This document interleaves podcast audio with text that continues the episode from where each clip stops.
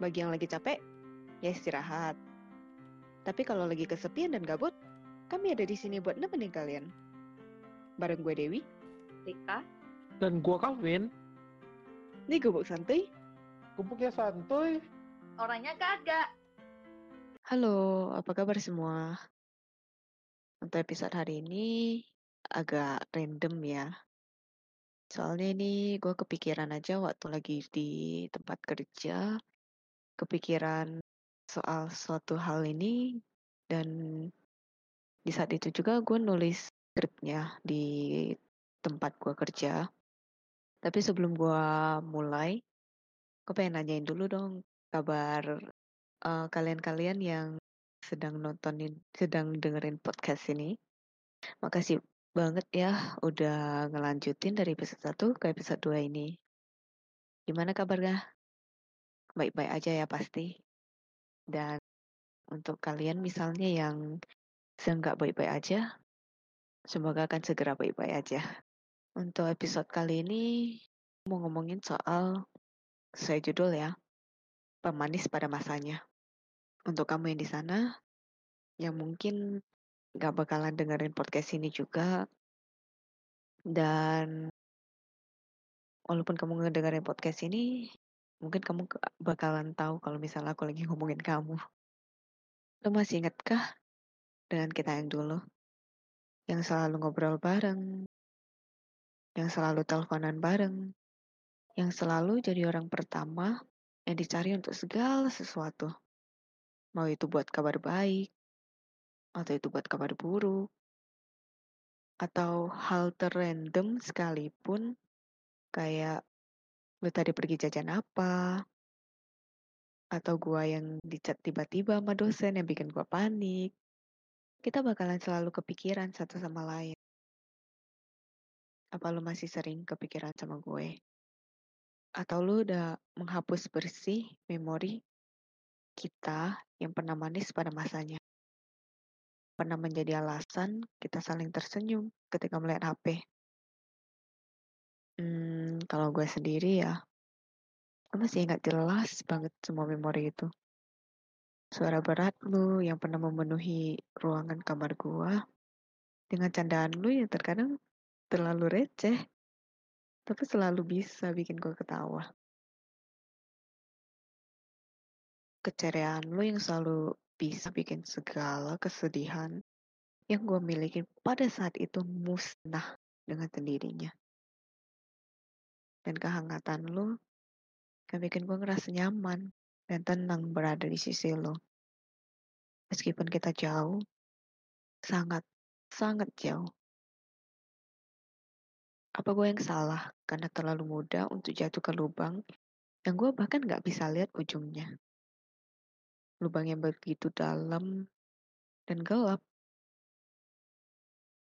Pada saat itu, gue kira kita bakalan terjun barengan sambil pegangan tangan. Tapi lu ngelepasin tangan gue dan ngebiarin gue terjun sendiri. Gue paham kalau lu ragu dan belum ngerasa yakin buat terjun bareng sama gue. Tapi yang gue pertanyain itu, kenapa lu harus nuntun gue ke lubang itu? Kenapa lu harus nunjukin arah ke sana dan ngeyakinin gue kalau itu arah yang harus gue ambil kalau gue pengen sama lu? Sedangkan lu tahu sendiri, kalau gue yakin sama perasaan gue dan lu yang ragu. Setelah gue jatuh ke lubang itu, lu pun menghilang. Tanpa satu jejak pun. Hilang lenyap bersama semua kenangan manis yang pernah kita miliki. Gue gak bisa nyalain lu. Dan gue gak akan bisa nyalain lu. Karena keputusan untuk terjun ke lubang itu, itu adalah keputusan gue. Gue yang bikin keputusan untuk terjun ke lubang itu. Dan di sini, gue mau bilang makasih. Makasih udah pernah menjadi alasan gue tersenyum bahagia. Makasih udah pernah hadir ke dalam hidup gue dan ngajarin gue untuk gak terjun sendiri lagi. Karena itu sakit. Sakit banget. Meskipun luka itu udah gak sakit lagi, ya meskipun gue udah gak nangis lagi karena lu. Tapi bekas itu akan selalu ada. Dan gak akan pernah hilang.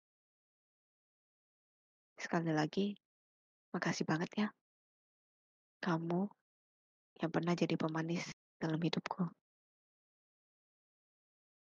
Mungkin itu cara semesta buat ngasih tahu kita kalau yang ditakdirin nama kita tuh sebenarnya bukan mereka. Makanya semesta ngejauhin mereka supaya kita tuh sebenarnya sadar kalau ada yang lebih baik lagi. Dan menurut gue sih daripada kita benci sama mereka yang pernah ninggalin kita dan pernah nyakitin kita gitu, gue sih lebih seneng agar gue ya fokusin ke hal-hal menyenangkannya aja gitu kayak bikin gue bahagia sebelumnya ya walaupun gue akhirnya nggak bisa sama dia kan. Cuman dia pernah at least gitu setidaknya dia pernah menjadi alasan gue tersenyum hidup itu akan lebih berwarna dan lebih jauh lebih menyenangkan kalau misalnya kita fokus ke hal-hal yang nyenengin aja daripada kita fokus ke hal-hal yang menyakitin kita, hal-hal yang bikin kita sedih. Yang ada itu makin suram. Kehidupan yang udah susah, kita buat suram lagi. Jangan khawatir. Buat kalian nih yang misalnya lagi khawatir soal misalnya astaga gue nanti gak bisa nikah gimana gak ada yang mau sama gue gitu tenang tenang tenang semesta tuh udah ada rencananya semesta udah ngerencanain yang terbaik buat kalian. Asalkan kalian mau usaha. Usaha untuk memperbaiki diri namun jadi pribadi yang lebih baik. Untuk kalian-kalian yang lagi sedih nih. Udahan yuk sedihnya. Jangan biarin diri kalian berlarut dalam kesedihan itu. Karena kalau kalian berlarut dalam kesedihan itu, kalian gak bakalan bergerak maju, kalian gak bakalan berkembang sebagai manusia. Jadi pelan-pelan ya dilepasin, diikhlaskan, dan diterima. Buat kalian yang sudah melepas dan sedang berusaha untuk memperbaiki diri, semangat! Kalian tuh kuat banget. Dan gue berdoa supaya semesta bakalan kasih apa pun yang kalian mau dan lebih baik lagi. Gue tahu sih, uh, perfect itu nggak realistis. Kita sebagai manusia nggak akan pernah perfect. Tapi ya nggak ada salahnya kita berusaha memperbaiki diri dan menjadi manusia yang lebih baik. At least jadi manusia yang baik gitu. Karena kita sekarang di sini lagi krisis orang baik ya di bumi ini.